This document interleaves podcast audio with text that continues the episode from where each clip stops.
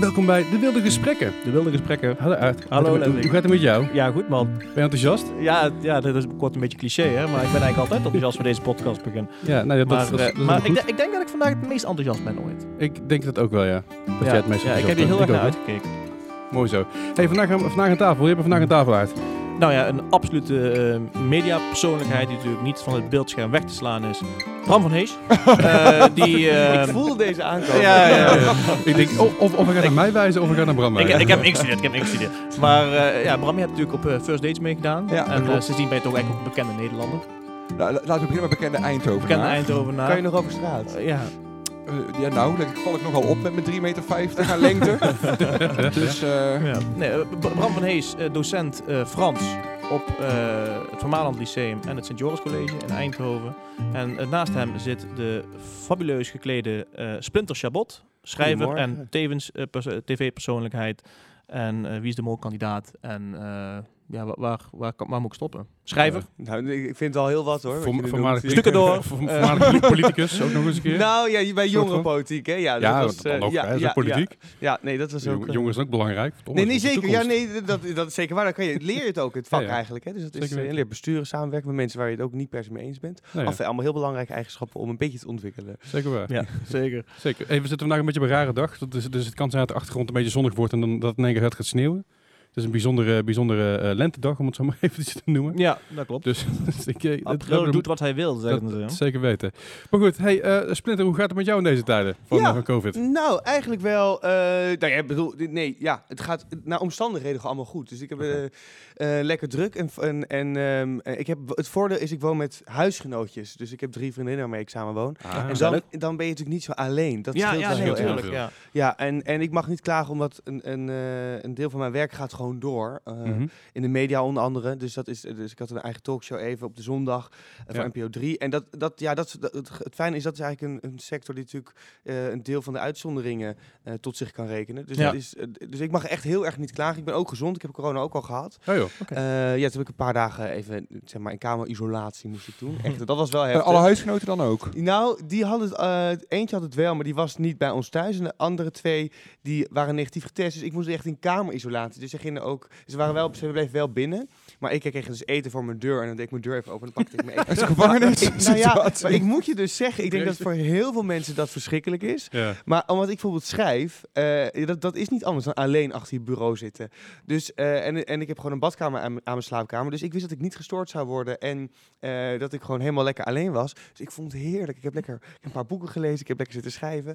Dus, eh, en je weet dat niemand je kamer binnenkomt. Dus je hebt gewoon alle privacy die je kunt wensen. Dus eh, laat maar als je echt ziek wordt, is het natuurlijk wel... Nou, ik had er gelukkig niet zo'n last van. Ik had een beetje een schorre stem. Eh, Ja. En dat is op zijn tijd ook weer sexy. Dus, dus wat dat betreft, voor mij was het alleen maar positief. Win-win. Maar, je, hebt, je hebt meteen allemaal luisterboeken ingesproken. Ja, zeg maar. Inderdaad. Oh, mooi. Het was een lang antwoord op een korte vraag, maar het gaat Nee, oké. ja, vind ik super. Vind ik fantastisch. Ik, ik, ik hou ervan. Heerlijk. Gelukkig. Oké, Bram, hoe gaat het met jou in deze tijden? Ik bedoel, is leraar, leraar zijnde Ja, lastig? eigenlijk ook best wel goed moet ik zeggen. We hebben natuurlijk vorig jaar is, eh, is een eerste lockdown geweest waarbij de leerlingen thuis kwamen te zitten. Eh, ik vond het op dat moment ergens ook wel fijn. Ehm, vanuit thuis, eh, wat meer verantwoordelijkheid bij de leerlingen leggen. Daarnaast heb ik nu gewoon heel veel geluk dat ik examenklassen heb, waardoor ik dus naar school moest. Want examenleerlingen kregen verplicht nog gewoon les op school fysiek. Ehm, en ik ben ook heel blij dat mijn werk gewoon door eh, is gegaan. In de tussentijd, ja, lekker binnen in huis maar allemaal dingetjes aanpakken. En eh moet er toch allemaal maar het beste van zien te maken. Zonder En, meer. eh, Dat is zeker waar. ja, dus het- ik mag niet klagen. Nou ja, ik zei vroeger, vroeger zou, zou ik dolblij zijn als ik een keer een week niet naar school mocht. Maar ik kan me niet voorstellen dat ik een jaar niet naar school zou mogen. Eh, Merken dat aan leerlingen ook, dat ze er een beetje klaar mee zijn? Ja, het is met name ook, eh, het lijkt allemaal heel mooi en fijn om thuis te zitten. Eh, Nee, maar daar ben je op een gegeven moment klaar mee. Je wil ook gewoon het sociale aspect, je, je klasgenoten weer zien. Ehm, ook überhaupt contact, even small talk met die leerlingen is ook fijn. Ehm, ja, en ze geven zelf vaak ook aan dat ze op school toch zich vaak iets beter kunnen concentreren. Een Ja. enkeling lukt het wel om thuis echt eh, hè, discipline. Ik bedoel, ik heb een mentorleerlingen die ze gaan tussendoor, dan gaan ze aan de yoga en noem het allemaal maar op. Ja, echt respect. Ja. Ehm, maar zei- goed, ja, weet je, hè, ook eh, qua achterstand is heel moeilijk om eh, echt te zien of, zij, eh, of ze achterstanden hebben, of dat ze het echt wel bijgewerkt hebben. Je kunt moeilijk, denk ik, een heel jaar lang iedereen maar gewoon laten zitten. Dat, dat is- lijkt me ook niet Nee, de oplossing. Dus ook daar proberen we er het beste van te maken. En we blijven lachen, we blijven positief. Dat mooi. er komt een dag. We'll meet again. Ja. Oh, dat bedoel je. One sunny day. Zeker weten. Hey, Aart, hoe gaat het met jou deze tijd eigenlijk? Want ik, had, eh, ik, heb, ik heb even niet meer gesproken erover. Ja, goed. Ik merk dat er weer wat aanmeldingen komen bij de huisopleiding. Dus mensen Mooi. beginnen de nood van het overgaan weer... eh, Examens, examens gaan door, hè? Dus examens gaan door, dus eh, meld je vooral De, aan. de heat is on. Nee, maar, eh, ja, maar hoe gaat het met jou, Leslie? Gaat het maar goed? Ja, gaat goed. Eh, ik, ben, ik ben druk. Ik stream veel. Ehm, ik doe veel podcasts, onder andere deze. Ik doe veel radio dingen inmiddels ook weer. Radio? Tegenwoordig een eh, wekelijkse, ra- wekelijkse radioshow die twee keer per week uitgezonden wordt. Hoe heet Kijk, die? Eh Kinkfest op Kink. Kijk. Dus bij, eh, bij onze grote vriend Veenstra op zijn, op zijn kanaal. Maar dan zitten wij op Kink Distortion. Dus niet op het main kanaal, maar op het, op het zijkanaal. Daar draaien we elke week nieuwe poppunk, emo en eh, dat soort hitjes. Dus Heerlijk. hartstikke lachen. Helemaal goed. Zeker weten. Hoe, hoeveel tests heb jij inmiddels al gehad in je neus? Eh, acht. En ik heb de laatste twintig zelftests besteld. Oké. Dus ehm, eh, ja, 20? ik ben er klaar voor. Ja, nee, voor, voor, die zelf, voor hier op het werk, zeg Ja, maar. Als oh, iemand- ik als- denk voor jezelf echt. Nee, nee, nee, maar, eh, maar, ook, ja, maar het is gewoon fijn als je een indicatie hebt dat je het uit kan sluiten. Dus niet helemaal 100% betrouwbaar, maar dat zijn de, de PCR-testen ook niet. Nee, waar. Maar goed, eh, dat zien we dan weer. Zeker maar het weten. komt goed, komt goed. Hey, waar gaan we het vandaag over hebben? We gaan het vandaag hebben over ehm, coming outs, homoseksualiteit, op mannen vallen, eh, twijfel, depressie misschien, angst, eh, pubers, jeugd, opgroeien, ouderschap. Hoe ga je om met heel veel interessante dingen? En de rode draad daarvan zal het eh, boek zijn van Splinter Chabot. Confetti Regen, fantastisch boek. Splinter, mijn complimenten. Ik heb hem eh, gisteren uitgelezen. Ja. En met verbazing, heel vaak lachen en ontroering. Ook tot, bijna tot tranen geroerd. Ik had vochtige ogen, laat ik het zo zeggen. Ehm Splinter, waarom heb je dit boek geschreven? Nou, eigenlijk, ehm, er zijn natuurlijk heel veel redenen om, eh, om een boek te schrijven of waar- waarom je iets wil vertellen. En ik heb in dit boek ook wel gedacht, mag ik dit boek wel schrijven? Omdat het, het gaat over, eh, de hoofdpersoon heet Wobi. Nou, de, de, de cover verraadt al dat het enigszins op mijn eigen verhaal lijkt, zo niet vrijwel letterlijk. er is een millimetertje afstand tot, eh, tot de werkelijkheid. Vond ik ook wel zelf prettig, want dan kan je er ook soms wat makkelijk over praten. Ja. Ehm, eh, maar laat ik zo zeggen, er is natuurlijk geen, het laat een worsteling zien van dat je eigenlijk achterkomt wat je leuk vindt en wie je bent en, en nou, hoe je wil uiten bijvoorbeeld, maar ook op wie je wat je verliefd wordt. Ehm, en toen dacht ik eerst ook nog van, goh, mag ik dat wel opschrijven? Want er zijn geen ouders of geen eh, eh, oom die je in elkaar gaat staan of ouders die je gaan onterven als je vertelt, in mijn, in mijn thuissituatie, dat je eh, in mijn geval op jongens zou vallen of Wobby op jongens zou vallen. Ehm, maar toen, maar de- dan nog blijft er een hele zoektocht. Of kan er een hele grote zoektocht zijn, omdat je het antwoord niet in één keer hebt, omdat je toch bang bent dat het een teleurstelling is, omdat je niet weet hoe je broertje of je broers erop gaan reageren. Ik heb drie broers, één jonger broertje en twee oudere broers, die ook nog op school zaten. Dus dat heeft natuurlijk, het zijn allemaal, zeker als je puur bent, allemaal onzekerheden waarmee je, waarmee je worstelt. In ieder geval in, in mijn geval, in het Wobby's geval. Ehm, alleen, en toen dacht ik van, ja, dan moet ik het, dat verhaal moet ik wel opschrijven, al is het maar omdat er misschien één jongen of één meisje of één mens is eh, wat zelf zoekt en wat hier een handvat aan heeft of een soort van zoeklicht eh, aan kan hebben. En voor die schrijf ik dan, of dat nou eh, iemand is die het vandaag leest of volgende week of over tien jaar pas. Als er ook maar één iemand is die er iets aan heeft, ja, waarom zou ik het dan niet doen? Ehm, en, en daarom heb ik dat gedaan. En heb ik ook, en dat is een van de redenen dat ik ook een andere naam heb gekozen. Maar ik dacht, als ik dat dan doe, dan moet ik het ook helemaal eerlijk opschrijven. Dus Mhm. dus, dus niet, hè, soms ben je natuurlijk wel geneigd om een beetje eh, iets weg te gummen of met een potlood iets erbij te tekenen. dacht ik, nee, ehm, dat moet ik niet doen, want dan help ik niet echt. Dus, dus daarom is ook de naam, als je natuurlijk je eigen naam neerzet, dan ben je natuurlijk altijd geneigd om toch een beetje te gaan kleuren en te gaan wissen en te gaan gummen. Eh, maar daarom, een van de redenen daarvoor is ook om een andere naam te kiezen, omdat je dan echt alle gênante dingen of alle ja, p- pijnlijke momenten of dat je zelf niet helemaal eh, op je best was, dat je die er ook in kunt zetten. Want ik geloof daarin wel, als je gewoon helemaal open bent, helemaal kwetsbaar, dat dat eigenlijk het krachtigste is. En dat je daar ook eh, ja, mee kunt helpen in sommige gevallen. Dus een, een beetje meer afstand door je naam te veranderen om eigenlijk dichter bij de werkelijkheid te komen. Ja, ja, dat was een van de redenen. Ja. Mooi. En jij twijfelde dus van, is mijn verhaal eigenlijk wel erg genoeg om het op te schrijven? Bedoel, Nou ja, lees ik dat zo goed? Nou, het- terwijl het natuurlijk nooit, het is nooit een, een, een wedstrijd van wie heeft het heftigste leed of zo nee, gehad. natuurlijk niet. Nee. Dus dat, dat, dat was niet, maar het was meer dat ik dacht van, ja, eh, eh, eh, doet het er wel toe of niet? En toen, maar het grappige was, ik zou eigenlijk een ander boek schrijven. Ik had een contract bij de uitgeverij Spectrum voor een politiek pamfletje. Eh, of politiek pamfletje, dat klinkt wel heel denigrerend, maar een, klein politiek boekje zou dat zijn. En gewoon een beetje vanuit een jongere visie naar de politiek beka- kijken. Eh, maar ik moest dit gewoon schrijven. Dus ik, ik kon niet iets, het lukte niet om ergens anders over te schrijven. Dus het is een soort van... nou, omhoog gekot zou ik niet willen zeggen, maar het is wel omhoog geduwd, zeg maar.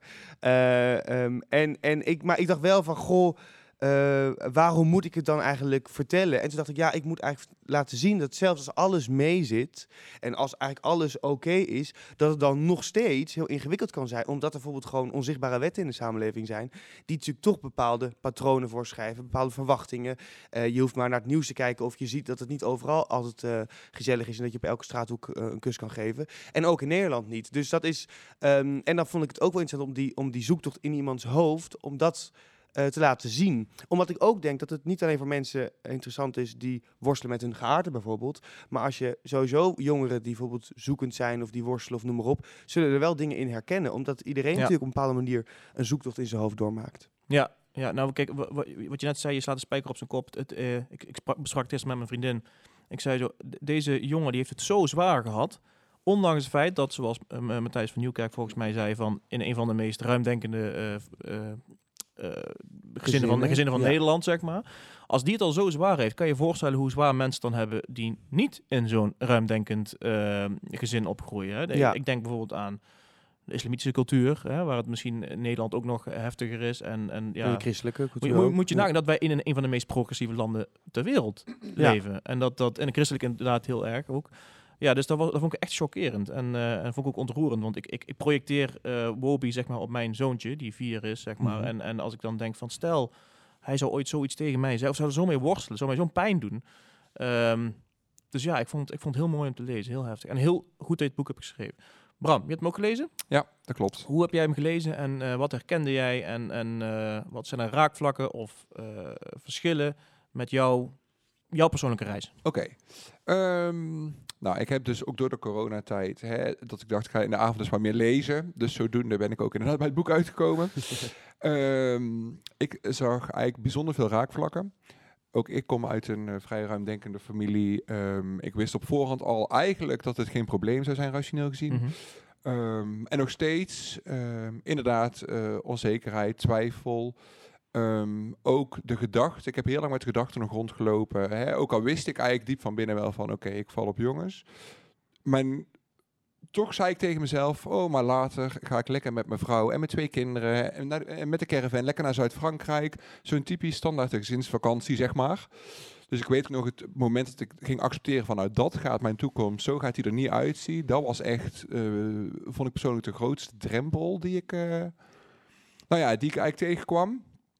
Eh, nog steeds inderdaad, ondanks een ruim, een ruimdenkende familie, waarvan ik eigenlijk al wist, door mijn ouders hebben echt regelmatig gewoon eh, naar het pad voor me vrijgemaakt. Hè, door dingen te vragen als, en ben je al ooit verliefd geweest op een meisje of op een jongen? Ehm, en nog steeds was het moment dat ik het moest zeggen, vond ik het echt mega spannend. Ik ben ook echt min of meer gewoon ongeveer gedwongen door een vriendin. Die zei, ja, nou kun je het echt niet meer, je moet het nou gewoon gaan zeggen. Het is, Weer de vriendin, hè? Weer de vriendin. Ja, ja, ja. Nou, op zich is dat dan wel een hele veilige eh, sfeer. Want ja, als ik kijk naar mijn vriendinnen, ja, daar was ik precies geen bedreiging voor. Die vonden het alleen maar fijn, leuk, eh, hè, het luisterend oor. Die vonden ook al heel de ontwikkeling al hartstikke interessant. Dus ook dat vond ik heel herkenbaar. Ehm, en ehm, ja, ik, ik, ik, ik heb echt met, met veel plezier eigenlijk inderdaad ook het boek gelezen. Ehm, ik wat wel als verschil, eh, hè, want in het boek, eh Wobi is echt, eh, gewoon, die gaat gewoon niet gimmen, zeg maar. Mhm, ja. Ik ben daar later over na gaan denken en toen dacht ik, wow, dit is, ik vond het wel ook altijd heel confronterend. Omdat als je naar de, eh, de jongens kijkt, die op de, met name de middelbare school, ik zie het nu ook bij mijn leerlingen, echt die zitten continu op, aan en onder elkaar. Daar zit elkaar in hun navel te prikken. Dat ik echt denk, oh oké. Terwijl ik wist, of dat gevoel had ik heel sterk, als we gingen gimmen en moesten omkleden, als ik ook maar iemand verkeerd aan zou kijken, nou dan kon ik echt een lel krijgen. Of dan kreeg ik het echt te verduren. Verbaal- dacht je dat was zo? Nee, dat was, dat, zo voelde ik dat. Zo voelde ik dat. Is het ook ooit zo gebeurd? Nee, maar, Nee, maar, dus ja. maar- en dat is ook wat ik dus uit het verhaal haalde. Gewoon dat onveilige gevoel. Als je dus inderdaad tussen de nou, hetero jongens staat, die daar dus eh, staan te pronken en aan elkaar gaan zitten. Dat je eigenlijk denkt, oké, eigenlijk is dit gedrag dus onder die jongens van deze leeftijd normaal. Maar jezelf niet veilig voelen om daar of in mee te gaan of eh, Ja. dat eigenlijk. Oké. Was je ook gescheiden gym eigenlijk of niet? Ja. Ja, ook. Ja, oh, en ja. verschrikkelijk, want ik was de enige persoon Vanaf de bovenbouw, denk ik. Ja, ja, ja. Die, die- ik kon niet voetballen. ik ben sowieso echt een beetje motorisch gestoord. Dus wij hadden echt, als wij moesten gaan slagballen, echt. En ik was alweer de enige gast die dan zo'n honkbalknuppel verkeerd hield. Nou, daar, daar krijg je dan natuurlijk alweer een grappige opmerking over. Ha, ha, ha, ha, ha. hoezo kan je dat niet? Mhm. Dus eh, ja, ik werd er ook echt heel onaangenaam van. Oké, en, en was, hè, ik bedoel, bij, bij Wobi eh, Mhm. of Splinter, ja, hoe, heeft het fijn als ik Wobi of Splinter zeg? Oh, je Maakt mag, het helemaal, eh, Ja? je, mag het, je mag helemaal zelf Nou, even voor de duidelijkheid voor de luisteraar, Wobi is Splinter eigenlijk, eh, op, op, op, een op een millimeter na. Ehm, eh, maar die werd eigenlijk, eigenlijk vanaf de basisschool al, maar dat hij dat die in de brugklas al opmerking kreeg van homo, of, of dat, dat er geruchten gingen van dat hij op mannen viel of zo. Was dat bij jou ook zo? Oh ja, het is echt al vanaf de basisschool eh, Ja? kwamen die dingen. Ja, ik vind ook, ehm, als ik ook naar mezelf terugkijk, toen ik echt een heel klein brammetje was, ehm, was, was ik dus ook echt heel puur. Mhm. Eh, en schaamde ik me ook echt helemaal niet voor alles eh, hè, wat ik leuk vond. Eh, alle jongens speelden met auto's en ik eh, wilde liever poppen, noem maar iets. En daar schaamde ik me totaal niet voor. En op een gegeven moment, als je dan inderdaad in een klas komt en mensen gaan... En ik kom dan uit een dorp oorspronkelijk. En je hoort, eh, of je merkt dat je anders bent en kinderen gaan erop reageren. Ja, vanaf een gegeven, op een gegeven moment echt, en daar ga je dus ook reacties op krijgen. En dan zie je dat ongeveer halverwege de basisschool, einde basisschool en met name de middelbare school, ehm, dat je dan dus eigenlijk eh, jezelf maar ander, een beetje anders voor gaat doen. Of dat je dingen maar een beetje verstopt. Ehm, en onder, wat je ook doet, eh, ja, hoe dan ook, kreeg ik de Mhm. opmerkingen sowieso wel. Ja. Oké, Ben je er ooit mee gepest? Ehm, Of gewoon een keer ja, zo heb ik het zelf, zo heb ik het zelf niet ervaren, laat ik het zo zeggen. Ik kon het allemaal heel makkelijk naast me neerleggen. Oké. Had jij wel, eh, Wobi, Splinter, had heel weinig mannelijke vrienden. Totdat je op een gegeven moment Daniel ontmoette. Hè? Ja, En ehm, wat je ook heel mooi omschreef, wat ik heel mooi vond, was eh, dat je op een gegeven moment eh, dat hij een keer dik in jou sms'te, zeg maar. Hè, en Ja. dat je daar zo'n warm gevoel van kreeg. Omdat, en ik, en ik, ik dacht, oh, wat fijn van me. Ik gunde, ik gunde dat persoon, personage jou, zeg maar, ook die vriendschap. Omdat, ja, Mhm. ik, ik doe ook nog steeds gewoon mijn vrienden af en toe klootzak noemen. Of uh, kan heel eh, zijn. idioot. Ja, ja, nee, nee, maar Dat doet hij de- bij mij ook. ja, ja. Maar ehm, Zeker van liefde. Ja, ja, zo, ehm, had, jij, had jij wel mannelijke vrienden? Eh, Oh. ik, ja, ik heb op een gegeven moment in de tweede klas, HAVO 2, eh, heb ik een clubje met eh, een beetje mannelijke vrienden gehad. Mhm. Maar ik voelde me daar toch niet helemaal op mijn gemak bij. Ik merkte dat onder jongens met name hè, de humor hem zit in elkaar beledigen op je minderheden. Dus ja, daar kreeg ik het met name inderdaad, het homoseksuele stukje kreeg ik nog wat te verduren. Ook al was ik daar zelf op dat moment niet zo mee bezig of dacht ik daar niet zo over na. Dus eh, ik zocht zelf toch ja, meer de meiden op. De humor zit hem in het beledigen op de minderheden. Ja, althans zo ging dat toen bij Dat is ons. een mooie Dus uitspraak. degene die wat steviger waren, die werden constant dikker genoemd. Ja. Ja, ja. Degene die een bril droegen, dat was standaard Harry Potter of Blinde. Eh, ja, ik was altijd dan maar de homo, terwijl ik daar zelf inderdaad op dat punt nog helemaal niet was. Ehm, ja, dus... eh, Ja, is klaar, en dan kun je dan zeg maar een half jaar heel leuk vinden, maar op een gegeven moment was ik wel een beetje klaar mee. Ja, dat snap ik. Wauw. Interessant. Ja, dat is zo anders dan ik mijn middelbare school heb ervaren. Misschien voor jou ook, ik weet niet. Heb, heb Ja, jij iets vergelijkbaars meegemaakt? eh, Nee, wat, wat, jullie zeggen, ik, ik, ik ben opgegroeid met alleen maar meiden om me heen. Eh, ik had alleen maar vrouwelijke vrienden totdat ik een jaar of 15 was. Mhm. Wel? Ja, absoluut. Waarom? Eh, ik had gewoon geen, geen vrienden in de buurt wonen. En, die niet, er is, niet er iets mis mee, maar dat is de, niet de norm, denk ik. Voor, Nee, nee, nee. Maar Een heteroseksuele man. Bij mij in de buurt was, eh, was, was het eh, eh, de jongste knakker na mij, zeg maar. Jongste jongen die in de buurt woonde, was, was vier jaar ouder. En de, en de, de andere was, was vijf, zes jaar jonger. Dus ik had vooral de vriendinnen van mijn zus waar ik mee omging. Dus ik ben altijd opgegroeid met, met, eh, met meisjes. Dus ik, ben, ik ging ook maar poppen spelen. Ik heb heel lang niet met auto's gespeeld. Dat mijn vader die zei op een gegeven moment van hier heb je een modelauto. Zei, ja, mooi, die laat ik mooi in een doosje zitten, want dat vind ik mooi. Die, die stel ik mooi op. Heb ik een lampje opgericht en zo. Maar ondertussen was ik wel met poppies aan het spelen en zo. Dat vond ik veel leuker. Maar dat is, dat is, dat is ook op ingegroeid. Maar ik, ik, ik ehm, vind het altijd moeilijk om... Want ik ben ook vaak genoeg homo genoemd vroeger. En nog steeds trouwens, vorige week natuurlijk mijn haar liet kleuren. Mhm. was in Tilburg. Fantastische stad. Ik, Klopt. eh, ik kom letterlijk de kapper uitgelopen. Ik loop de stoep af, nog geen 20 meter. En er komt een auto voorbij gereden met drie jongens erin. En die roepen, me, die roepen, heel, uh, roepen kankerhomo homo naar me. Echt waar? Ja, en ik, en ik kijk ze aan en ik zeg ze... Really? ik zeg, Ja. "O- Oké, Eh, goed jongens, succes ermee. Eh, ik, vol verbijstering stond ik eigenlijk te kijken. Zo, ah, dus dat. Eh, Ja, ik, ik loop zeg maar indrukwekkend. 20 minuten uit een, een, een kapperszaak met alleen regenbooghaar. Mhm. En ik krijg dit al. Wat is er mis met het land dat dit soort shit doen? Ik, ik, ik, werd er heel boos over. Op- Ja, boos en heel erg verdrietig over. Zo van, really? Is dit, is dit waar we in leven?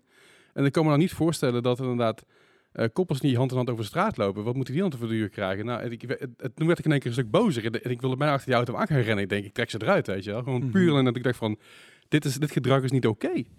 Eh, en dat is, dat, dat is iets, iets waar, wat mij helemaal gewoon, gewoon gestoord gaat. Ik, bedoel, ik ben opgegroeid met mijn, mijn oma. Is altijd mijn beste vriendin geweest tot ze overleed. Heel jong, heel- in ieder geval toen ik heel jong was. Ik was 14. En haar beste vrienden, dat waren Charles en Gerard. En dat was een heel gezellig, fijn, mooi stel. Eh, het, het waren zo'n fijne, vriendelijke mensen. Dus ik ben vanaf kinds af aan al opgevoed met dat, dat het de meest normale zaak van de wereld is. En dat liefde gewoon liefde is. En dat vind ik heel fijn. Alleen toen ik wat ouder werd, eh, vooral omdat ik dus met meisjes omging, dat ik vaak naar de homo naar mijn hoofd toegeslingerd kreeg. Omdat ik ook vaak gekleurd haar had en nog steeds. Eh, en dat ik juist inderdaad meer... Wat, wat, ik, ik schaam me niet voor, mijn, voor, mijn metro, voor, mijn, metroïsme, om het zo maar te zeggen. Ik, ik vind het heel moeilijk om mezelf te identificeren als hetero. Ik, ik, wil, ik wil niet in hokjes denken, dat is het vooral. Maar eh, omdat ik het, dat ik het zo normaal vind, alles. Ik, ik snap dat niet waarom mensen dat, dat anders doen. En, en zo vaak van die dingen naar mijn hoofd geslingerd gekregen. dacht van ja, wat moet de fuck moet ik hier nou mee? Eh, dus ja, dat, dat, dat, is, dat is een beetje mijn, hoe ik op, op ben gegroeid met, met eh, zo denken. Wauw. En juist, ik juist toen ik zeg maar 15, 16, 17 werd, toen was het inderdaad dat je geinen met, eh, met homo dit, homo dat. En zelfs toen vond ik het heel lastig om dat soort dingen te zeggen. Of te horen. Ik trek dat heel slecht. Ik, heb, ik, ik word er heel kwaad over, weet je wel. En, en ja, ik, ik, heb het, gelukkig voor die personen waarschijnlijk, ik heb het nooit zien gebeuren, homo haat. Was het wel gebeurd. Ik ben 1,85 meter en zeg maar een goede 130 kilo aan haat. Daar loopt niet goed af voor die personen. Nee. Dat is echt, dat, gaat- dat, gaat, dat gaat helemaal mis. Ik heb, ik heb één keer heb ik, heb ik een knakker een meisje eh, de kroeg uit zien douwen. Eh, dat meisje was eh, denk ik 1,55 meter en die knakker was, eh, was mijn postuur. En ik ben ook overheen gelopen om een verhaal te halen. En die kerel die heb ik uiteindelijk half straat omtrent hierover getrokken. Gewoon, wat ben je mee bezig? En gewoon puur alleen het sarren van dat meisje was hij mee bezig. Het was, het was helemaal geen doel, het was gewoon puur het sarren. En ik heb hem niet geslagen verder. Ik heb hem letterlijk alleen Oh. over straat getrokken op zoek naar een politiebus. En waarom zat het niet aan? Omdat ze lesbisch was? Of, Ja, eh, Ja, oh, sorry, zo, sorry, dat was ja, context. Ja, ja, was, was, was, was tegen, tegenover de, de, de kicks en de tricks hier op, op straat omtrent. Nou, Ja, ja, ja. Natuurlijk de, de, de bekende, het is, het is geen, officieel geen gay bar volgens mij, althans ze, ze prunkelen hem niet zo aan, maar het is wel iets waar, dat, eh, ja, waar, waar de meeste gays samenkomen. En dat is super gezellig altijd daar. Ik had een ratje draaien en dan kun je een meter bier winnen. Dat is echt fantastisch. Oh, ja, ik wil. Ik wil. Allemaal dicht, hè? maar sorry, maar dat inderdaad. Soon, soon. Maar dat- dat- dat soort dingen. En ik, maar ik heb, ik heb nooit echt daadwerkelijk... eh, eh, eh, ik, ik heb wel eens verhalen gehoord. Je ziet, het hoort vaak genoeg benieuwd dat mensen hand in hand lopen over de gracht en dat er dan zo in elkaar getrapt worden. Ik, ik hoop op een dag dat ik net voor zo'n moment daar aankom lopen. Ik hoop het echt. Want ik trap ze de gracht in, echt waar. En echt met vol geweld. En ik kan er niet tegen. Ik Ja. word echt heel boos over. Ik lach er nu wel over, maar ik word er echt heel boos van. Ik merk het. Ja, Onrecht, sorry. Eh, gepassioneerd. Eh, nee, het ja, gevoel, gevoel van onrecht eh, eh, raakt jou. Ja, Ja, absoluut. nou, dat, dat, dat siert je. Dat is mooi. Eh, je zegt van, ik wil niet in hokjes denken. Splinter, zoiets heb je ook ooit gezegd. Ja. Ehm, hè, van, ik, ik ben geen, eh, een, een bijna beroemde uitspraak, ik ben geen homo, ik ben Splinter. Ja, precies, Ehm, ja. Wat is er mis of, of wat zijn de negatieve kanten van hokjes denken? Nou ja, omdat het dan... eh, eh, nou ja, omdat het, het lost niks op overigens, sowieso niet. K- Mens is een mens en mens is ook nooit maar één ding. Dus daarom, eh, als je namelijk zegt, ik ben... eh, eh, bijvoorbeeld homo, da- eh, of me- vaak zeggen mensen dat van ja, jij bent homo. Terwijl ik denk, ja, je, je, je- ik vind, zeg ik dan altijd, paardrijden heel leuk, ik vind vielspelen leuk Mhm. en ik vind jongens leuk. Maar dat laat zien, me- een mens is een diamant, dus die heeft allerlei hele verschillende kanten en verschillende eigenschappen. En als je dat terugbrengt tot één iets, dan sla je, eh, dan maak je je een, eendimensi- eendimensionaliseert iemand Mhm. helemaal. Terwijl alle mensen juist driedimensionaal zijn. Dat maakt iemand ook interessant, dat maakt iemand ook spannend, dat maakt Ja. iemand ook uitdagend. Dus dat is eigenlijk wat ik. Ehm, eh, en ik vind sowieso eh, dat hele eh, homo, hetero, noem maar op, of, of biseksueel. Of, waar- er zijn natuurlijk heel veel verschillende aanduidingen. Maar het probleem is natuurlijk ook dat je überhaupt al zou moeten zeggen van ik ben dit of dat. En dat je uit de kast zogenaamd zou moeten komen. Terwijl Mhm. je zelf nooit daarin bent gaan zitten. Daar Ja. ben je eigenlijk in geplaatst door ja, de, de, de context of, de- of, of Ja. de ander. Terwijl ik natuurlijk, als je namelijk ook zegt ik ben dit, lijkt alsof je iets geworden bent. Wat, wat natuurlijk nooit. eh, je komt er soms op een gegeven moment gewoon zelf achter hoe je wat je leuk vindt of zo. Maar het is niet dat je dan opeens veranderd bent, dat je iemand anders bent geworden. Ja. Dus dat zijn. eh, en, en ik denk sowieso, als we buiten hokjes kunnen eh, durven denken en leren denken, dat je ook gewoon gaat kijken naar wie iemand is of hoe iemand, zich misschien wil profileren in plaats van dat je meteen een sticker op plakt. Hè. Dus ik heb wel eens van, en dat wordt heel vaak gezegd, producten label je. Dus een boek heeft een, heeft een label Ja. achterop en dan kan je scannen. En de mens heeft eigenlijk geen label als het goed is, want de, mensen daarvoor te ingewikkeld. Dus ik vind het altijd gevaarlijk ook als je mensen maar terugbrengt tot één iets. Ehm, want dan, dan gaat de hele diversiteit van iemand als persoon gaat ook overboord. En dat moet je volgens mij altijd zien te voorkomen. Dus het is dus, en ik hoop dat op een gegeven moment een, maar dat ga ik denk ik niet meer meemaken. Maar ik hoop misschien mijn kinderen of mijn kleinkinderen, dat die ooit meemaken. Dat je niet hoeft te zeggen op wat je verliefd wordt, maar dat het gewoon zich uitwijst. En dat je overal in de wereld hand in hand kunt lopen. Maar is nog een lange weg te gaan. Dat is, helaas is dat een hele lange weg om te gaan. De- denk je dat er ook voordelen aan hokjes zitten? Eh, nou, niet dat ik zo even 1, 2, 3 opkom. Nee. Denk jij van wel? Nou, nou kijk, voordelen. het- Nou, ik denk dat het eh, van alle tijden is. En Ja. ook dat het ook nooit weggaat. Daarmee zeg ik niet dat het goed is. Hè. Maar eh, bijvoorbeeld, ik was net nog een interview met jou en jouw vader, hè, de Pride Talk eh, aan te terugkijken. En dan heb je het ook over de roze gemeenschap. Ja. En de LBG. eh, LHBTQ+, ja, sorry, het, het ja. fluctueert. Ehm, eh, community noemen ze dat. Ja. Dat is eigenlijk ook een hokje. Ja, dat En, is, en snap je? En, en, en, en ehm, het, aan de ene kant zeggen van we moeten geen hokjes hebben, aan de andere kant ze hebben hun eigen hokje. Good for them, soort van. Snap je? Dat, dat, dat het een, een gerespecteerde, erkende gemeenschap is. Ja, eh, eh, dat zou ik als een soort van positief zien. Al is zeg het de vraag of het het, het wordt de community genoemd, terwijl het natuurlijk niet één. eh er zijn er heel veel mensen zeggen, ja, er is niet echt een community. Voor een deel is dat natuurlijk ook ja, wel, Ja, ja, eh, ja. maar voor een deel ook niet. Maar wat vooral natuurlijk zo is, het is natuurlijk een, een groep die misschien eh, een, een, een bepaald punt, een herkenningspunt nodig heeft, Mhm. om ook verandering teweeg te kunnen brengen. ja, ja, Met ja, als doel uiteindelijk dat al die verander dat eh, als, alle, als er overal gelijke rechten zijn en dat iedereen met iedereen kan trouwen en noem maar op, dat je dat dan allemaal loslaat. Dat je Mhm. dan wel terug gaat tot de mens. En zoals er, er zijn natuurlijk eigenlijk geen homorechten, dus het zijn gewoon mensenrechten. Een, een, een, een men- eh, iemand die op jongens valt als jongen, of iemand die als vrouw of vrouw valt, is niet opeens een ander iets, is nog een ander wezen, is nog steeds een mens. Dus het zijn allemaal mensenrechten eigenlijk. Alleen, dat wordt niet altijd zo erkend. Dus je hebt soms helaas als groep een bepaalde ehm, eh, nou ja, positie nodig, met als doel natuurlijk dat het uiteindelijk dat opgeheven wordt. Maar kijk naar, naar, naar eh, mensen die transgender zijn Mhm. of die non-binair zijn. Ja, die hebben nog een, eh, er is nog zoveel eh, werk wat daar eh, voor gedaan moet worden en nog zo'n lange strijd. Eh, maar het begint überhaupt natuurlijk met, je, je, je kunt pas iets veranderen als je iets kunt zien of kunt benoemen. ja. En dat dan op een gegeven moment helemaal kunt normaliseren in de zin van dat iedereen het als normaal ziet. Want het zijn natuurlijk, het is eh, een, een non-binair zijn is ook normaal. Alleen heel veel mensen vinden dat nog niet normaal. Ehm, maar dat is dus, dus, dus het, en het, het is een ingewikkeld iets. Ik begrijp wat je zegt van, dat is ook een groep of een gemeenschap. Maar het is eigenlijk een groep die, ah, die daar omdat ze een minderheid zijn en daar ingedrukt zijn, zich daarin moeten verenigen om iets te bewerkstelligen, zodat het gewoon als iets Mhm. algemeen geaccepteerd wordt. Want dat is, nou ja, we hebben net voorbeelden gehoord, nog absoluut niet het geval. Zelfs niet in Nederland. Nee, moet je nagaan. We zijn het meest, eigenlijk een van de meest qua, qua homo-rechten of mensenrechten, wat dat betreft, Mhm. een van de meest progressieve Ja, ja, eh, dus, dus landen. niet meer inmiddels. Nee, ze hebben ingehaald. Er is, laatst, er is een lijst vrijgekomen. Ik geloof dat daar plek 21 staan of zo. Oh. Malta staat op nummer 1 nu. Iets, iets Malta? ja. En we zijn heel erg ver afgezakt. En dat heeft dus mee te maken dat wij inderdaad heel vroeg waren, in ieder geval als Nederlands, ik zeg wij, maar als Nederlands zijn waren we heel vroeg in, in het, in het eh, normaliseren van, van, van de zaken. Dus het homohuwelijk natuurlijk. Dat is inmiddels 20, 20 jaar geleden. Ja. Eh, Of ja, eigenlijk de openstelling van het huwelijk. Hè? Ja. Het is, het is, ja. Precies. Ehm, en dat is natuurlijk een heel goed ding. Maar inmiddels zijn we dus zo ver achter geraakt.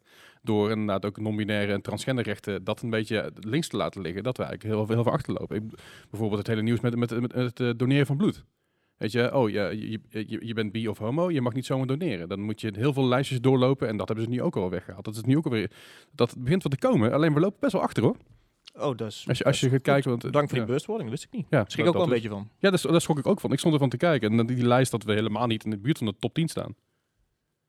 Dat is wel heftig. Ja. Nou, Dus dus, werk te doen. We Ja, denken dat we heel ruimdenkend zijn, maar... eh, Ja, ja dat is, het. we, we denken dat we heel ruimdenkend zijn, omdat we 20 jaar geleden waren. Maar Ja. 20 jaar geleden was het 2001. de wet, eh, wet dat van de is- remmende voorsprong misschien. eh. Dat, dat, dat sowieso. Maar 20 jaar geleden, is al 2001, dat voelt ook als vorig jaar, bewijs van. Weet je wel. maar dat is al 20 jaar geleden. Ik bedoel, dat is, dat is, eh, er is zoveel, zoveel gebeurd in die tussentijd. Bedoel, buiten social media en, en alle daar versnellingen in, zijn natuurlijk ook veel meer mensen naar buiten getreden van ik, ik voel me dit, ik voel me dat, ik voel me, ik voel me eh, niet per se eh, homo, eh, homo, hetero, ook. Ik voel me heel iets anders. Ik voel me panseksueel, ik noem maar. En er zijn heel veel verschillende dingen daarin die, die de afgelopen tien jaar zelfs pas naar boven zijn gekomen. En die, die community, dat, ja, commu- community zeg ik wel, maar dat we daar die mensen kunnen accepteren in plaats van het raar te vinden. En dat Wat ik wel zijn. Wat ik wel geloof is als je eh, bijvoorbeeld kijkt wat je ook op Netflix ziet, bijvoorbeeld Sex Education, allemaal van dat soort. Wat ik wel heel erg geloof is dat de nieuwe generatie, de jongeren ook, die groeien zo op met eh, personages die niet eh, heteronormatief zijn en films en in Mhm. series. Kijk naar, naar GTST. Ik weet nog toen ik op de middelbare school zat, toen was Lucas in, heet het, het personage volgens mij, dat Ferredoen speelde, Mhm. was voor mij de allereerste homoseksuele personage dat ook eh, echt ging trouwen en wat een kus gaf en zo. Het was daarvoor nog nooit geweest in Nee. een Nederlandse serie. Nu zit in bijna elke Nederlandse serie of film of verhaal zitten eh, eh, nou, diverse personages Mhm. die ook de diversiteit van wat men, die- hoe mensen zijn eh, weergeven. En als het goed is, kijk, als de jongeren dat natuurlijk gewoon een tijdens het opgroeien hun hele leven zien. Op, in Netflix-series, in films, in eh, Ja. Disney, noem maar iets op. eh, dan, dan wordt het natuurlijk, hoe vaker je iets ziet, hoe normaal je het ook gaat vinden. Ja. Als, Ik denk wel eens van, stel nou dat, ik denk wel eens, het zou leuk zijn als iedereen een buurman of buurvrouw als drag queen had. Ja. Eh, misschien dat je de eerste keer denkt, jeetje, wat gaat die heftig eh, gekleed naar zijn werk, bij wijze van spreken. Maar de, als je dat eh, elke ochtend ziet, op een gegeven moment, ja, valt je dat niet meer op. Ga je dat dus eh, helemaal normaal vinden. En Ja. dat zou natuurlijk zo, het fijne is eigenlijk ook voor de mensen die nog zo in een hokje denken. Eigenlijk, ik denk bijvoorbeeld wel eens bij, nou, ik zal geen namen noemen, maar bijvoorbeeld een Kees van der Staaij. Dat die, ik vind dan denk ik van, oh, die arme man. Want hij denkt nog heel erg via één beeld. Ja. Dus hij kan helemaal niet genieten van de vrijheid die je eigenlijk hebt als je breder kijkt dan alleen maar één iets. Terwijl bijvoorbeeld, ik denk dan, ik, eh, ik ben nog helemaal niet misschien op alles al, ehm, heb ik nog helemaal niet alles al gezien, maar ik denk wel, eh, als ik, ik ben wel met, ik ken wel drag queens en zo, en dat, ik vind dat gewoon de normaalste zaak van de wereld, zoals het Ja. ook hoort zijn. Dan denk ik van ja, omdat ik zo vrij kan denken, omdat ik dus niet in een tunnel zit. Dus je zou eigenlijk, als je het heel lief zegt, die mensen eh, een beetje moeten helpen dat ze uit Mhm. hun eigen tunnel komen. Ja. Zo probeer ik ook naar te kijken. En ik geloof, en ik was er positief zijn, want ik ook wel geloof in de nieuwe generatie, de nieuwe jeugd. En als ik kijk hoe ook de eh, commercie, zeg maar, om het zo te zeggen, en de grote Ja. platforms het voor een deel ook helemaal meenemen en omarmen. Even los van of dat nou dan soms ehm, commercieel ook gewoon handig is en slim, omdat je dan soms een ruil hebt of weet ik wat, een extra Om aandacht. zichzelf in te dekken. Om jezelf in te dekken, denk ik ook, het, het is wel veel meer aanwezig. Eh, Ja. eh, en dat Ja. is, nou, dat is belangrijk. Dat zijn Zeker. belangrijke stappen.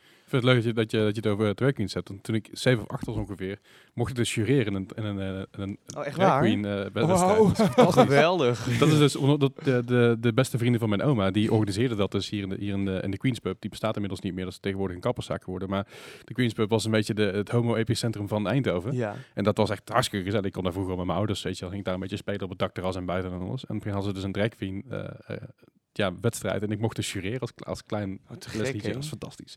Ik heel mooi, om te- mooi om te... Maar ja, wat je zegt, ook, ook met nieuwe media. Ik bedoel, eh, ik, ik ken de serie Pose. Ja, zeker. Ook van. Netflix. Ja. Echt geweldig, geweldige serie. Mijn, mijn ex heeft me daar een beetje meegesleept.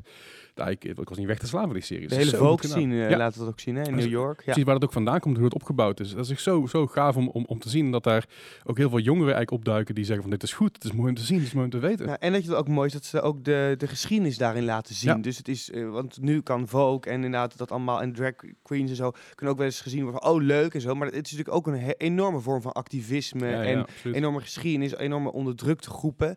Eh, en zeker zoiets als Pose, wat waardoor een heel groot podium krijgt, eigenlijk en heel makkelijk eh, bereikbaar is voor heel veel jongeren. Ja. Maar ook wat RuPaul eh, Drag Race natuurlijk Ja, ja, eigenlijk doet. zeker. Ik zie heel veel heteroseksuele vrienden, als je het dan toch even een label wil geven, Ja, die kijken daarnaar met heel Ja. veel plezier. En dan denk ik, dat geeft ook een soort van verademing. Ik denk van ja, dat is heel goed. Dat is, hoe meer iedereen dat gaat zien, hoe minder problematisch het op een gegeven moment wordt. Ik heb ook echt genoten van Prince Charming.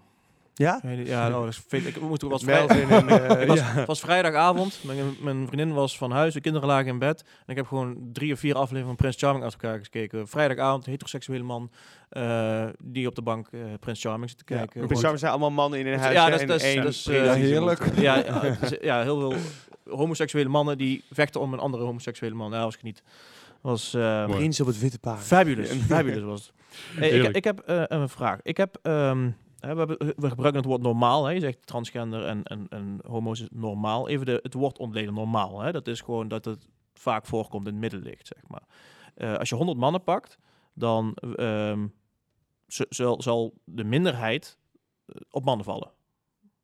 Klopt dat? Eh, hangt er af wel- welke groep. Ja, dat klopt. Als je bij Prince Charming ja. gaat kijken, dan weet ik het niet. Als je tijdens de, de Pride doet, dan krijg je een andere nee, nee, nee, dat, snap ik. Maar gemiddeld, zeg maar. Als- je, de, als, je, statistieken als je de maken. gemiddelde klas zou pakken, inderdaad, Ja. dan... eh, Ehm, eh, maar bijvoorbeeld, even terug naar het boek. Ehm, je, krijgt, je krijgt op een gegeven moment, vond ik echt hartverscheurend. En eh, jij krijgt op een gegeven moment van je moeder krijg jij ringen en oorbellen.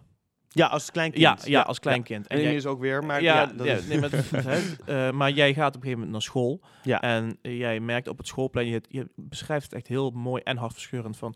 Ja, je ziet mensen eh, een beetje op de achtergrond een beetje lachen en, en, en, en is wijzen. plastic plakoorbellen. Ja, plakoorbellen inderdaad, ja. Ja. En, en wijzen. En je denkt van, ja, waarom lach, lach ze naar mij? Denk, zien ze misschien dat ik jarig ben, weet je wel? En, en, en nog naïef, zeg maar. Mhm. En op een gegeven moment besef je dat ze je uitlachen en wijzen. En, ehm, eh, en, en je doet ze af en, en je, je vergeeft ze aan andere mensen, je doet ze nooit meer aan, zeg maar. Dus echt een, een harde werkelijkheid komt, Ja, eh, komt binnen geschupt, zeg Ik maar. geef ze aan de meisjes, ja. Eh, ja. En, en je doet ze niet meer aan, want je Nee. wil niet uitgelachen worden. Ehm, de norm is dat jongens geen... eh, het woord normaal. De nor- normaal is dat jongens geen oorbellen dragen. Of dat goed is, laat ik het midden. Eh, mij, mij maakt het niet uit. Hè. Als, als mijn zoon oorbellen aandoet, moet hij lekker doen. Ja, Maar- maar, eigenlijk is dat niet waar. De- Het is, het is, eh, het is, het is de, de, de norm is misschien dat, dat veel vrouwen wel sieraad dragen. Maar normaal, het, het, is, het zou natuurlijk eigenlijk gewoon heel normaal moeten zijn. Nee, maar Dat- ik eh, verwar het woord normaal niet met goed, hè? Nee, weet Ik- ik. ik- maar dus- het, het is natuurlijk, eh, eh, dat iets de norm is, betekent niet hetzelfde als dat het wel of niet normaal is. En, wat, en dat het eh, bijvoorbeeld de norm is dat veel mannen niet hun haar laten verven. Mhm. Maar het is niet abnormaal dat bijvoorbeeld jij wel je haar hebt laten verven. Dus, dus begrijp wat ik bedoel? Dus ik, ik denk dan, dus de, de, de, wat gemiddeld is, is niet per se wat dan wel of niet normaal zou, zou zijn. Begrijp wat ik bedoel of niet? Nou, voor- voor- nou ik, ik, ik ik denk dat we het allebei over eens zijn dat het geen, pro- geen probleem zou moeten zijn. ja. Maar ik denk dat als je, nogmaals, als je nou 100 willekeurige mensen van de straat plukt, valt Leslie op. ja, maar dat kan je ook afvragen of dat komt omdat Leslie eh, iets, iets anders wilde. Of dat al die andere 99 jongens eigenlijk Zeker, zeker. allemaal laagjes over zichzelf heen hebben gelegd. Waardoor ze iets niet durven. Zeker, maar, maar daarom verwar het niet met eh, tussen wat is en wat zou moeten zijn. Ja. Snap je? Ik ben het helemaal eens dat het iedereen moet kunnen doen wat ze willen. En als, als mijn zoon later oorbellen aan wil doen, Mhm. dan moet hij dat lekker doen, vind ik. Of ik het hem toelaat, is een tweede. Omdat de gedachte dat hij zich gekwetst voelt, daardoor vind ik hartverscheurend. Ik zeg niet dat ik het niet ga doen, hè. Mhm. Maar daarom is dat dile- dilemma wil ik aansnijden. Ja, Ehm, nee, ik begrijp het hoor. Ja, ja. Snap je? Van, eh, ehm, moet, moet, moeten ouders je tot een bepaalde manier bewust maken van de sociale normen? Nou ja, ik, ja, Oh, oh, ik, eh, s- als, als snap ik, wat ik eh, bedoel? Ja, ja, ik bedoel, ik, eh, als ik naar, een- naar mezelf kijk, als eh, met, eh, met 5 december, met mijn verjaardag, eh, dan kreeg ik inderdaad ook de poppen die ik wilde en noem het allemaal maar op. En je mocht dan, in groep 3 geloof ik, mocht je dan een van die cadeautjes meenemen. Ja. En ik weet nog dat mijn moeder echt wel enigszins stuurde op, nou, hè, laten we de, weet, bewijzen van de prinsessenjurk maar thuis. Ja. En neem deze, neem di- dit is ook goed. En ehm, achteraf ben ik haar daar wel heel dankbaar voor omdat het is inderdaad, het zou moeten kunnen, maar met name ook in een dorp. En inderdaad het gevoel van, oh, je, hè, je wordt daar gekwetst. Of ook als je op school daar geen, hè, geen backup hebt. Je hebt geen docent die op dat moment eh hij jou Ja. daarin stuurt. Ehm, ja, dan wordt de route voor jezelf ook al heel lastig. Terwijl als ik inderdaad thuis mocht, mocht doen laten wat ik wilde. En al zou ik, hè, stel ik zou per se bij een playback-wedstrijd mijn jurk aan willen doen. Mhm. Dan deze alsnog mijn jurk aan. Als ik het per se wilde, gebeurde het wel. Maar eh, ik ben wel heel dankbaar dat mijn ouders zich ook bewust waren van... eh, nou ja, inderdaad, het risico om gekwetst te raken. En dus ook een stukje van mezelf daarin Ja, kwijt te raken. Dat je niet, doordat je niet meer jezelf durft te zijn, dat je dan maar een stap terug doet. ja. Dat is in ieder geval hoe ik ernaar kijk. Al denk ik wel dat dat nu anders is dan bijvoorbeeld 20 jaar Ja, geleden. absoluut. Zeker, absoluut. zeker. Maar hoe, hoe, kijk jij dan naar Splinter? Zeg maar, Zou- stel jij, hè, je, je, adopteert een zoontje of je krijgt een zoontje eh, eh, en die zegt op een gegeven moment, ik wil ook oorbellen in, als hij 5, 6, 7 is Mhm. aan. Laat jij die zo naar school gaan? Of, de- of, of, ga, of, of laat je ze, doe je eerst een gesprekje over daarmee? Of Nee, want dan wordt het iets... ehm, negatiefs? dan wordt het ook iets. Terwijl het, Ja. kijk, ik vind dat het überhaupt geen eh, eh, issue is. Dus Ja, als, ik ook, hè? Nee, dat weet Alleen, ik, weet, snap nee, ik. weet ik. Maar ik vind ook, dus als, we, als, als ik namelijk als ouder dan volgens iets ga weghalen, Mhm. dan verandert het ook nooit. Dus Ja. eh, want dan doet niemand het. En misschien dat er wel toevallig twee vriendjes in zijn klas zitten. eh, van mijn eh toekomstig de in, in denkbeeldige kind. En als het toevallig oorbellen wil dragen. en twee andere vriendjes willen dat ook. Maar die alle drie hebben alle drie ouders die bijvoorbeeld Mhm. zeggen: Nou, doe dat maar niet. Dan verandert het dus in die klas helemaal niks. Terwijl als die alle drie ouders hadden gezegd: Doe maar wel. En ze komen alle drie op het schoolplein aan met alle drie oorbellen aan. Dan, is dat, staan ze ook, dan, dan verandert dat. En dan gaat misschien dat wel op een gegeven moment de hele klas oorbellen gaat dragen. Ja. En ik begrijp natuurlijk dat dit natuurlijk een voorbeeld is voor iets groters overigens. Of de, Ja, ja, ja, maar, maar ik, eh, als mijn kind dat zou willen doen, zou ik dat altijd ehm, eh, eh, ondersteunen. Of, of, of, en ik begrijp dat het niet is bedoeld van in jouw geval dat jouw moeder dat dan niet wil ondersteunen hoor. Mhm. Dat het, zo li- klinkt het nu opeens. Nee, nee, ik denk dat we elkaar Ehm, begrijpen met z'n allen. Ja, maar- alleen, eh, ehm, eh, dus, dus, maar ik, ja, dat vind ik eigenlijk wel. Omdat ik ook vind dat anders er niks verandert. En als er dan bijvoorbeeld gepest wordt of er komt een probleem. Eh, en zeker als, eh, eh, als een docent dat niet beschermt, dat hoorde ik jou natuurlijk even Mhm. zeggen van ja, dat is ook belangrijk natuurlijk. ja. faciliteren de docenten Ja. dan wel of niet. Kijk, ik hoop dat als eh, dat, dat ik, ik weet hoe belangrijk docenten en juffen en meesters kunnen Mhm. zijn op je basisschool, op je middelbare school. Die zijn zo vormend. Die kunnen je eigenlijk zelfs ervoor zorgen dat je iets in je hele leven interessant zult vinden of iets niet in Ja, je hele leven ja, interessant zult vinden. Super belangrijk. En ik hoop, en ik heb ook helaas in het boek zit ook voorbeelden van docenten die dat niet helemaal goed deden. Maar ik mag hopen dat, Dat er kan je wel zeggen, ja. eh, Zo- Goedemiddag. Goedemiddag. Ja. maar dat, er, dat, er, dat, dat die er zijn om dat juist te faciliteren en te, en te helpen. Ook omdat ik denk, ja, wat is er gek aan als iemand een oorbel draagt? Als iemand dat wil, moet hij dat toch zelf weten. Eh, Jij hebt gekleurd haar. Ja, dat ziet er toch hartstikke gezellig uit. Ik denk altijd, het is, we hebben heel regenachtig weer in Nederland. Laten we zelf dan een beetje die kleur aanbrengen. Ja. En dat begint ook... En tuurlijk, eh, als je je vrijheid opeist of, of afwijkt, dan krijg je altijd tegenreactie. Maar ik zal wel altijd proberen te zorgen dat eh, mijn kinderen ook opvoeden in de omgeving van ja, dat, dat mag jij. Dat, en, en misschien, kijk, dat is wel een punt van mijn boek. Het probleem is, want ik heb nu opvallend pak aan. Dat is ook hoe, hoe ik mezelf voel. Fenomenaal. En, eh, en, en ik, nou dankjewel, maar ik, ik kan me ook wel eens voorstellen dat daar een tegenreactie op komt. Nou, dat moeten de mensen dan maar lekker zelf weten.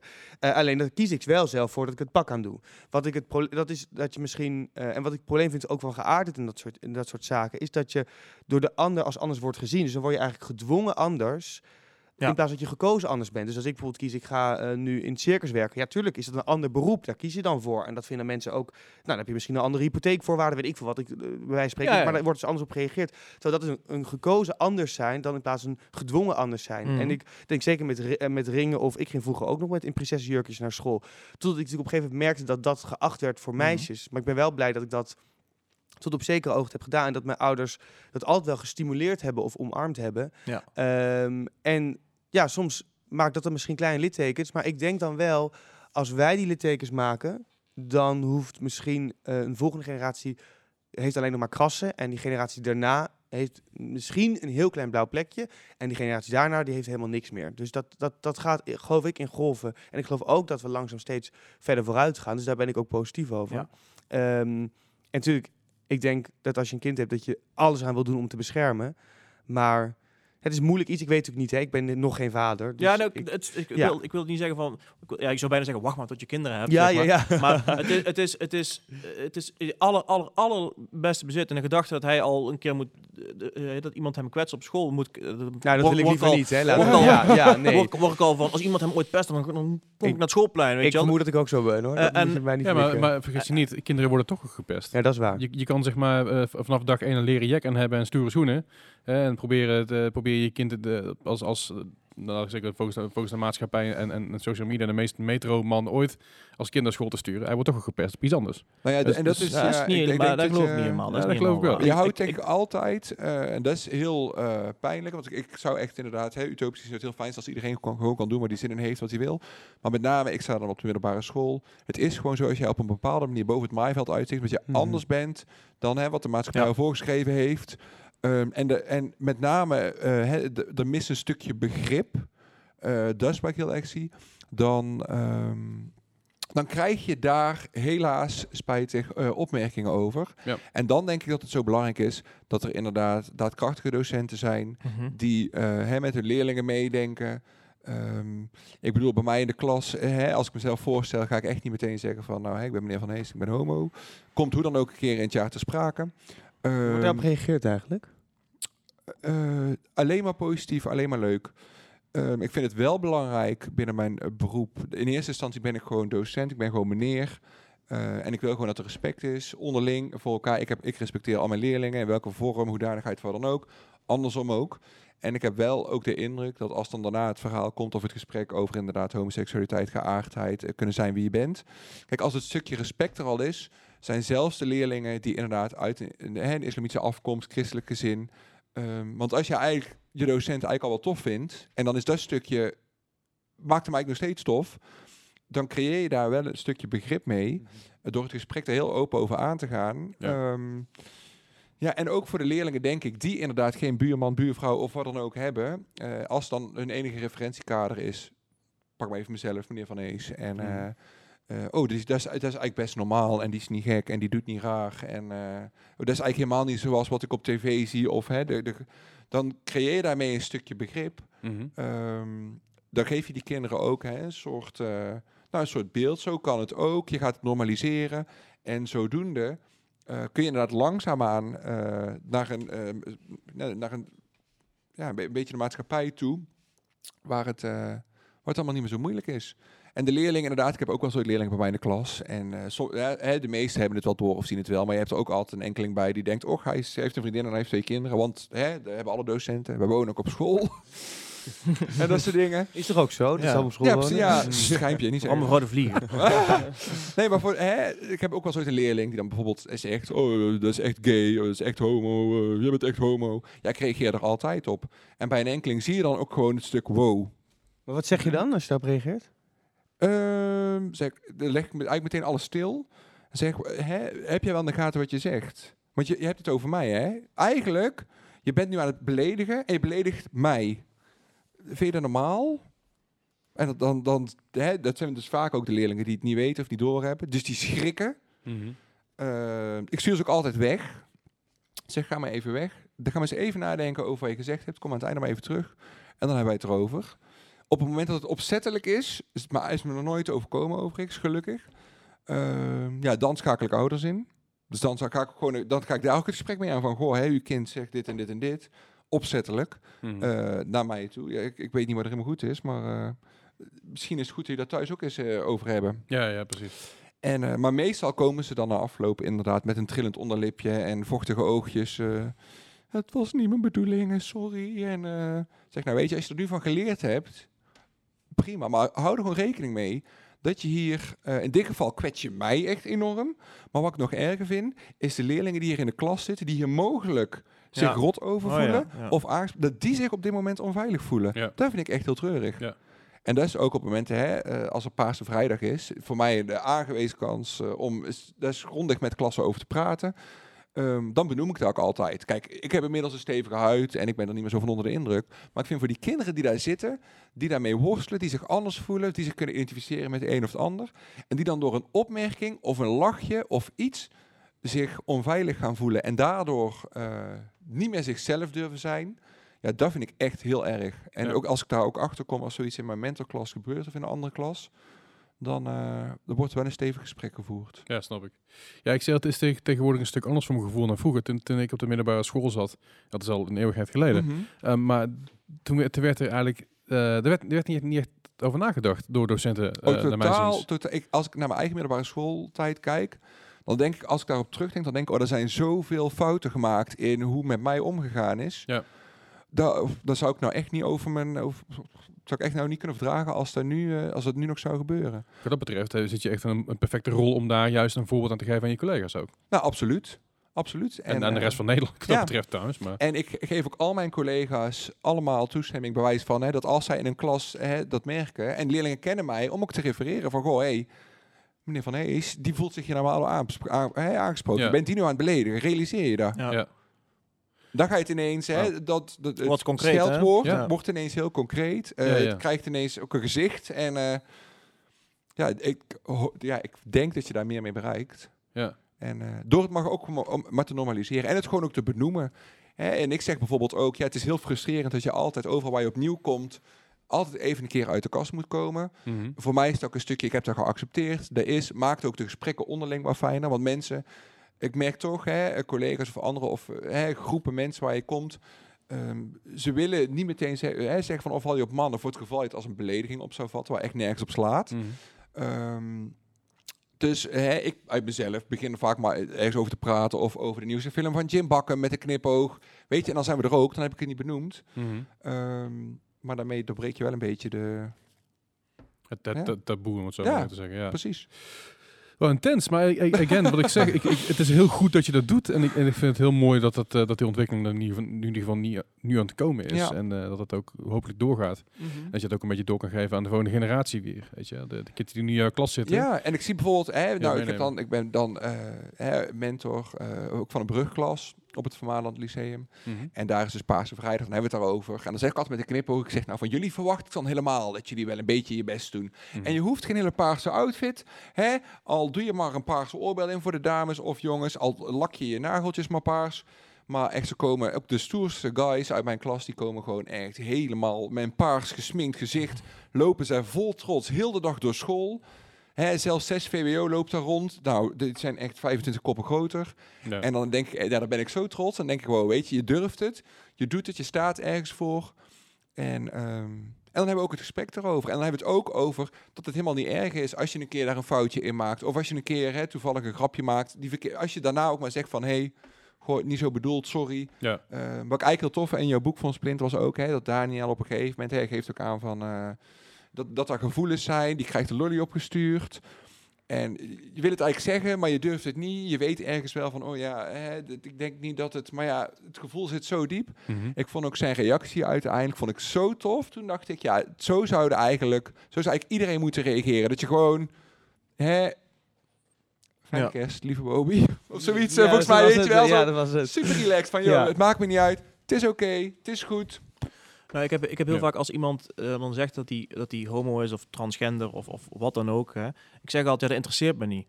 Maar dat, dat, is, dat klopt eigenlijk niet. Het interesseert me wel. Ik vind het heel interessant en ik ben benieuwd naar jouw reis en jouw, jouw strijd en, en dat soort dingen. Maar zoals jouw, eh, va- jouw, jouw vader Splinter het in die eh, Pr- Pride Talk heel mooi zei, het is geen issue. Ja, voor, eh, ehm, voor hem dan als persoon. Hij vindt Ja. het, ja, want ja, het is natuurlijk wel maar, een maar- issue. Maar, maar dus dat, dat- ja, ja. precies. Maar dat is voor mij ook, ja, het is, ja, oké. dat is, en als, we- als we- ik ben geïnteresseerd in jou als persoon, dus ik ben, oh, dan ben jij, dan heb je waarschijnlijk een reis doorgemaakt en dan, dan, ben- dan kan ik best vragen bij een borrel of zo, van, hey, hoe is dat dan gegaan toen? Hè? Hoe heb je je Mhm. ouders verteld? Omdat ik geïnteresseerd ben in jou als persoon. Maar eh, het maakt jou niet hoger of lager van mij. nee, dat, maar dat is, dat is natuurlijk ook nooit het... Nee, dat, gelukkig. Ja, nee, dus daar, maar- daar maar zou het ook niet... Alleen, ehm, eh, wat natuurlijk wel zo is, is dat... eh eh, papa ook wel eens over gehad, van, het kan voor hem natuurlijk geen issue zijn, maar het is voor een maatschappij, in een maatschappij wel een probleem. Ja. En als je, eh, in- in mijn vaders geval, in jouw geval, eh, weet ik dat jullie er niet zo in staan, maar als je daar natuurlijk niet naar kijkt, dan verandert dat maatschappelijk probleem, zeg maar, niet. ja, dus ja, dus ja.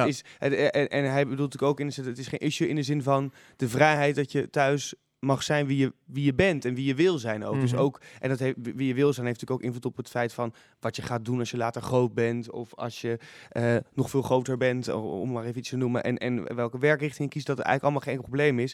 En mijn ouders hebben natuurlijk heel erg geprobeerd eh, de, de ruimte te creëren dat ik het gewoon kon vertellen. Hè, door te zeggen van, eh, nou Splinter eh, of Bobby, eh, we, we horen wel eens van, dat je misschien jongens leuk vindt. Is dat zo? En zo. En ik, ik ging dan, negeerde ik dat volledig, omdat ik ook vond... Ten eerste dat hebben je ouders wel gevraagd. hebben ze gevraagd. ja, dus ja. mijn moeder vroeg wel eens bij, eh, als dan mijn broers eh, ehm, eh, niet thuis waren en bij het ontbijt. En dan vroeg ze aan mij van, v- nou, wel eens van dat je misschien op jongens valt. En dan vroeg ik, mag ik de croissantjes of zo? En dan zei ze, nou, wel van, dat doet ook pijn als je niet met ons hierover praat, want we Ja. kunnen je niet bereiken. En dan zei ik, mag ik de jam? En dat kon, en kon dat, ik, natuurlijk deed mij dat ook pijn op dat moment.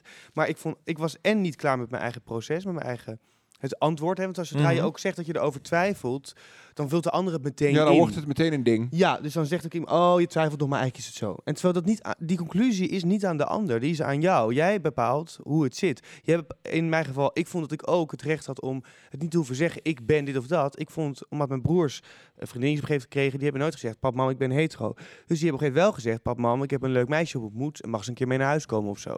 Ik vond dat ik mocht wachten, en het recht had ook om te mogen wachten, om dat op dezelfde manier te doen. Dus wachtte ik tot ik een jongen had, ontmoet, eh, los dat wij geen relatie hadden overigens, maar eh, eh, alles behalve dat. Maar dat een jongen had ontmoet die ik heel leuk vond. En dat ik thuis kon zeggen, pap, mam, tijdens kerstavond was dit. en mijn broers ook van, ik heb iemand ontmoet en het is een jongen en ik vind hem heel erg, hij is heel erg leuk. Omdat ik vond, ik had het recht, en dat, ik vind ook echt dat ik dat heb, eh, om, en ik hoop dat iedereen dat zo zal inzien, dat je het op dezelfde manier dat mag doen.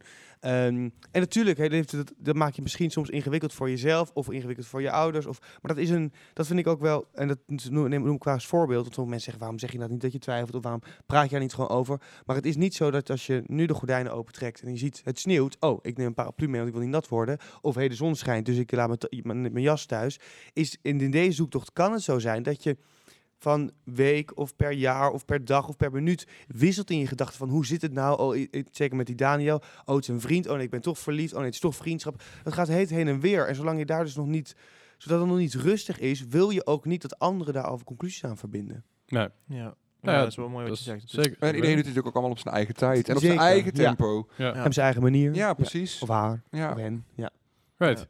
Goed. ehm, we moeten maar rustig aan richting richting Rijnland zitten we hier morgen nog. Ik vind het hartstikke gezellig daar niet, daar niet van. Maar als, we- als we hier nu nog eh, lang over doorgaan, dan, we, dan, dan hebben we een podcast van drie uur. En ik geloof dat jij, je hebt nog heel veel dingen te doen. Ik geloof dat jij nog vandaag les moet geven, lijkt me. En eh, uiteindelijk wil ik ook een keer naar bed. dat is het. Slaap jij? ik, ik, ik slaap heel soms een klein beetje, eh, zo min mogelijk. Ehm, om, om nog heel even, even terug te komen op de dingen die, jij- waar jij, jij op dit moment mee bezig bent. Gefeliciteerd met je, met je deal op dit moment. Je hebt, jouw boek wordt verfilmd. Ja, dank je. Ja, ja, ja, door Michiel van Erw. Dus, eh, eh, op 1 april, het was dus geen 1 april grap was, maar dat was wel een bijzondere dag. Omdat toen 20 jaar, precies 20 jaar geleden was dat het, eh, het huwelijk eigenlijk werd opengesteld. Dus er kunnen ook mensen van het gelijke geslacht kunnen met elkaar trouwen. En toen, het kwam toevallig zo uit. Maar ik geloof er heel erg in dat je toeval ook dan moet omarmen. Dus ik zie daar dan meteen een teken in, een soort van... eh, eh, nou, vind ik wel heel mooi dat het zo viel. Maar we gaan het, het boek wordt verfilmd. Ja. Dus, eh, dus eh, de, de, de scenario schrijver is er nu mee aan de slag.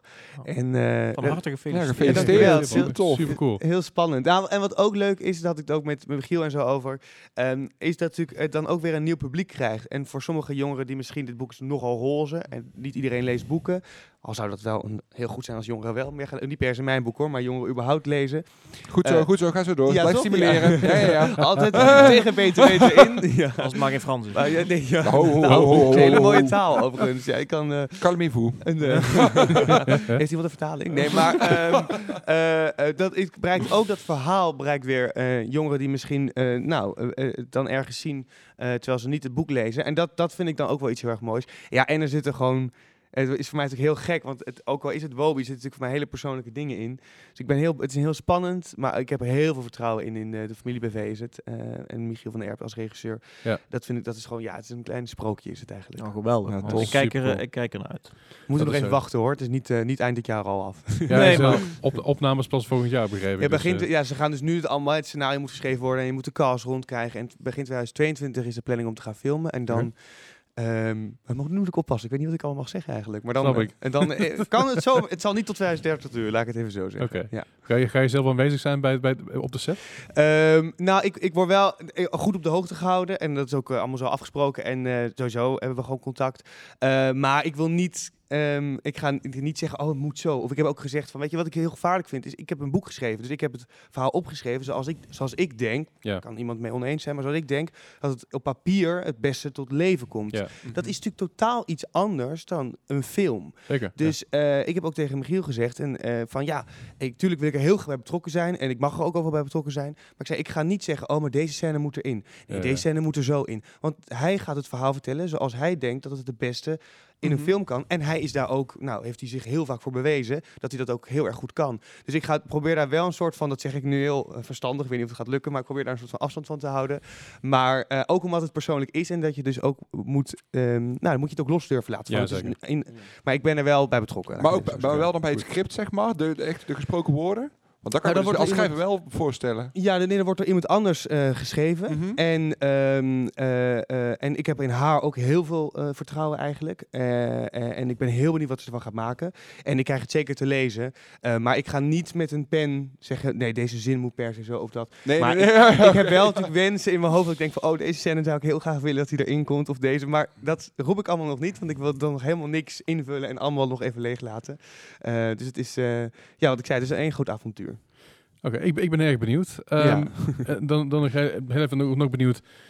Je bent bezig met een nieuw boek? Ja, klopt. Dus de na ro- eh, Confetti-regen is Roze Brieven verschenen. Dat is vorig jaar november, eh 13 november is dat, eh vrijdag de 13e. Dacht ik, Zo. even eigenhandig die draaien. Weer een En- teken. Weer een teken, ja. en, nu, en nu werk ik inderdaad aan een nieuw boek. Dat moet, eh, of moet, dat wil ik graag, 3 maart 2022. En dit wordt je politieke pamfletje. Nee, nee, nee, zeker niet. Ja. Dat, eh, en iedereen vraagt zich natuurlijk af, wanneer gaat dat komen? Ja, en dat contract, ik heb een enorm co- contractbreuk eh, gepleegd. Ik heb gelukkig nog geen rechtszaak aan mijn broek gehad. Maar dat ben ik nu mee aan het schrijven. Dat is heel, dat is een heel, eh, is heel spannend, laat ik het even zo Oké. zeggen. Ik denk Ja, dat jouw uitgeverij ook niet rouwig is om de oplagen van Eh, eh nee, ik heb confetti regen. niet over klagen. Nee. Het zou wel leuk zijn, ja. Oh, heftig. Goed, wat, wat goed te horen. Ik ben heel benieuwd naar alles eh, wat, er- wat er komen gaat. Dank. Ehm, Heb je nog iets hier, hier verder aan toe? Of heb je, heb je nog iets Nou- bij jouw vraag als afsluitende vraag? Ik, eh, het, eh, nou ja, vragen, een mededeling eigenlijk meer Ja. als in aan de, onze lieve luisteraars. Ja. Ehm, dat als je ooit, eh, als je hier iets in herkent, zeg maar, en als je ooit eh, denkt van ergens mee worstelt met je geaardheid of je eh, gender, eh, je identiteit, ehm, hè, om de befaamde woorden van Mark-Marie Huibrechts te eh, herhalen, hou vol, het wordt beter. Zoek hulp, praat erover met mensen als jij er klaar voor bent, denk ik. Mhm. En eh, je bent niet alleen. Eh, dat wilde ik graag even laten weten. Dus je bent, je bent oké. Helemaal top. Eh Splinter, als meer over jou willen weten, waar kunnen we dat vinden? Oh jeetje. Eh, ik heb niet zo'n hele coole eigen site waarbij je weer even splintersjebot.nl. Wikipedia. Je, je, Instagram mag. Nee, ik heb gewoon natuurlijk uiteraard Instagram. eh, en dat is gewoon mijn naam, Splintersjebot. En, en af en toe, ja, ik vrees dat ik af en toe wel voorbij kom gefladderd en dan krijg je wat mee. Maar als je me echt wil volgen, is Instagram uiteraard altijd het makkelijkst. Helemaal top. Want daar, doe ik, daar post ik ook op waar ik uithang en wat ik een beetje uitspook. Dus dat is eh, ja, erg, hè? Een soort van... eh, Er komt af en toe ook een eh, foto van Lakshmi voorbij. Dus, de- Oh, ja, ja, ja. De Wie is de Mol vriendjes, Ja. ja. Alright. Eh, Bram, als, mogen ze ook volgen? Eh, nou ja, ik zeg altijd, de huidige leerlingen niet. Of ja, die kunnen het proberen, maar die accepteer ik niet. Dat is pas als, ik, eh, als ze van school af zijn, dan mogen ze me allemaal volgen. Leuk, Ja. gezellig. Snap ik. Ehm, ja, en ik, maar, in- inderdaad, voor leerlingen op school, op school waar ik werk, eh, ja, weet je, als je erover wil praten, dan eh ben je van harte welkom. En waar kunnen we jullie vinden? Oh, ja. eh, ons kun je vinden op... Ed de Wilde Huiswerkbegeleiding. Ja, zeker weten. En natuurlijk op YouTube, de Wilde Huiswerkbegeleiding, de Wilde Gesprekken, sorry. En natuurlijk op Spotify, op eh, Soundcloud, op iTunes en eh, overal waar je je podcast... En zelfs tegenwoordig op Duke, een nieuwe, nieuwe radio- en Oh. podcastplatform. Oh, wauw. Ja, we zijn, we zijn overal te vinden. Dat is heel nieuw. Top. Ja. Dat is heel nieuw, maar is heel goed. Goed, dank jullie hartelijk voor het aanwezig zijn. Eh Aart, jij ook bedankt. Dankjewel, Bedankt Leslie. voor de koffie trouwens. Graag ook. gedaan. Heel graag Koffie. gedaan. Top. Ik stuur wel een tikkie. Oh, ja, en dan is natuurlijk wel weer een tikkie, lachen? tikkie terug. ja. Goed, goed. Hartstikke bedankt en eh, tot de volgende keer. Yes, dank.